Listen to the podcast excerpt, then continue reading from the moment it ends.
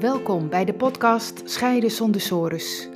Ik ben Annewieke van der Boom en ik begeleid mensen die op het punt staan te scheiden en bang zijn voor een financieel drama, verlies van contact met je kinderen en eindeloze discussies met hun partner naar een nieuwe situatie waarin je meer quality time hebt met je kinderen, weer respectvol en ontspannen met je partner kunt communiceren en weer financiële duidelijkheid hebt.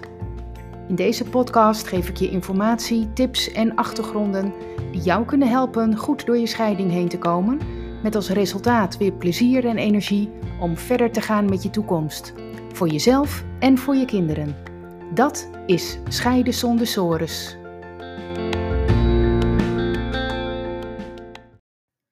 Hoe ik zelf in de valkuil stapte. Misschien denk je, Annewieke is toch mediator, die heeft dus nooit ruzie. Misschien even een discussie, oké, maar dat lost ze dan toch netjes op. Want dat kan een mediator, toch? Nou, dat kan ik ook vaak wel, maar ik ben soms toch ook gewoon een mens. Ik ben er niet trots op, maar ik kan af en toe best ruzie maken. Met mijn eigen man, ook dat nog. Sommigen zeggen trouwens dat het wel gezond is om af en toe ruzie te maken, dus dat normaliseert het weer een beetje. En het schijnt ook goed te zijn voor je relatie, dus ja, daar blijf ik dan maar uh, in geloven. Oké, ja, het gebeurde mij een, uh, een paar jaar geleden.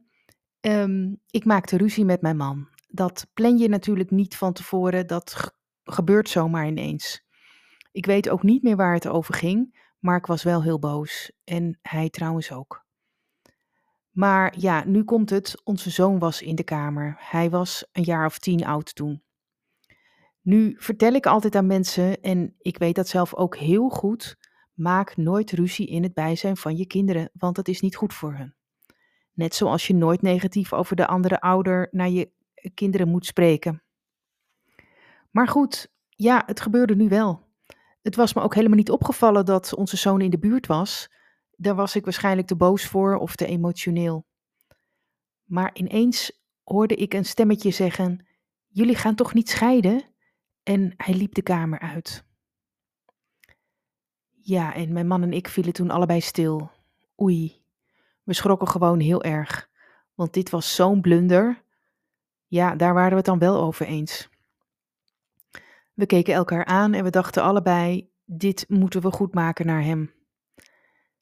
Dus ja, ik liep uh, mijn zoontje achterna en um, ik vertelde hem rustig dat ik begreep dat hij zo geschrokken was, maar dat we echt niet gingen scheiden.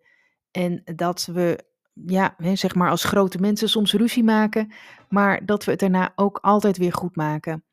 En toen was het weer oké voor hem. Zo zie je maar, ja, een ongeluk zit in een klein hoekje. Terwijl het zo belangrijk is om als ouders hierop te letten.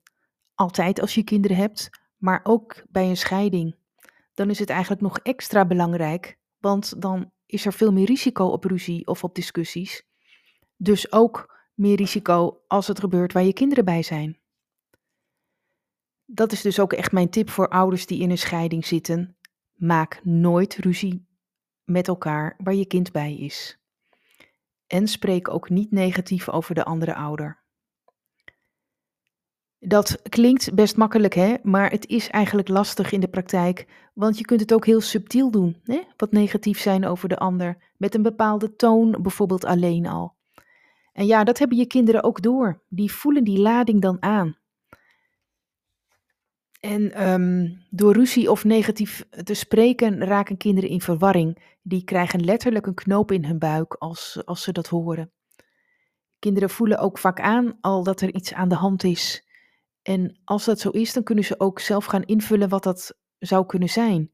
En zo kunnen ze best uh, nare dingen gaan bedenken, waardoor ze ook angstig kunnen worden. Ja, en je kinderen houden nu allebei, die houden gewoon evenveel van allebei de ouders. Als er negatief over één ouder wordt gesproken, dan raken ze in een loyaliteitsconflict en denken dat ze niet meer van een van de ouders mogen houden. Dat wil je toch niet? Bij de mensen die bij mij komen voor mediation, voor hun scheiding, besteed ik hier ook aandacht aan. Hoe kun je voorkomen dat je kinderen daar zo'n last van hebben? Je kunt nooit helemaal voorkomen dat je kinderen last hebben van de scheiding, maar je kunt wel um, voorkomen, het, het, het erger voorkomen eigenlijk. En dan is het belangrijk dat je allereerst je er bewust van bent. Hè, wat doe je bij een ruzie?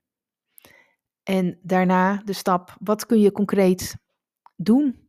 Of wat kun je concreet laten? Hè, om dat te voorkomen. Heb jij het idee dat mediation voor jou misschien een passende manier is om je scheiding te gaan regelen? Neem contact met me op voor een gratis persoonlijk adviesgesprek. Daarvoor kun je me bellen of mailen. En je vindt de gegevens op mijn website en dat is annewiekebemiddeld.nl.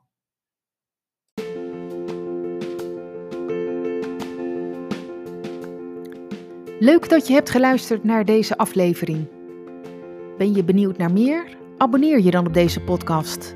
Dat kun je doen door bij Apple Podcast op het plusteken rechtsboven te klikken en dan zie je volgen. Bij Spotify door linksboven op volgen te klikken. Wil je meer weten over mijn full service mediation? Bekijk dan mijn gratis video, waarvoor je je kunt aanmelden via mijn website annewiekebemiddeld.nl. Tot de volgende aflevering.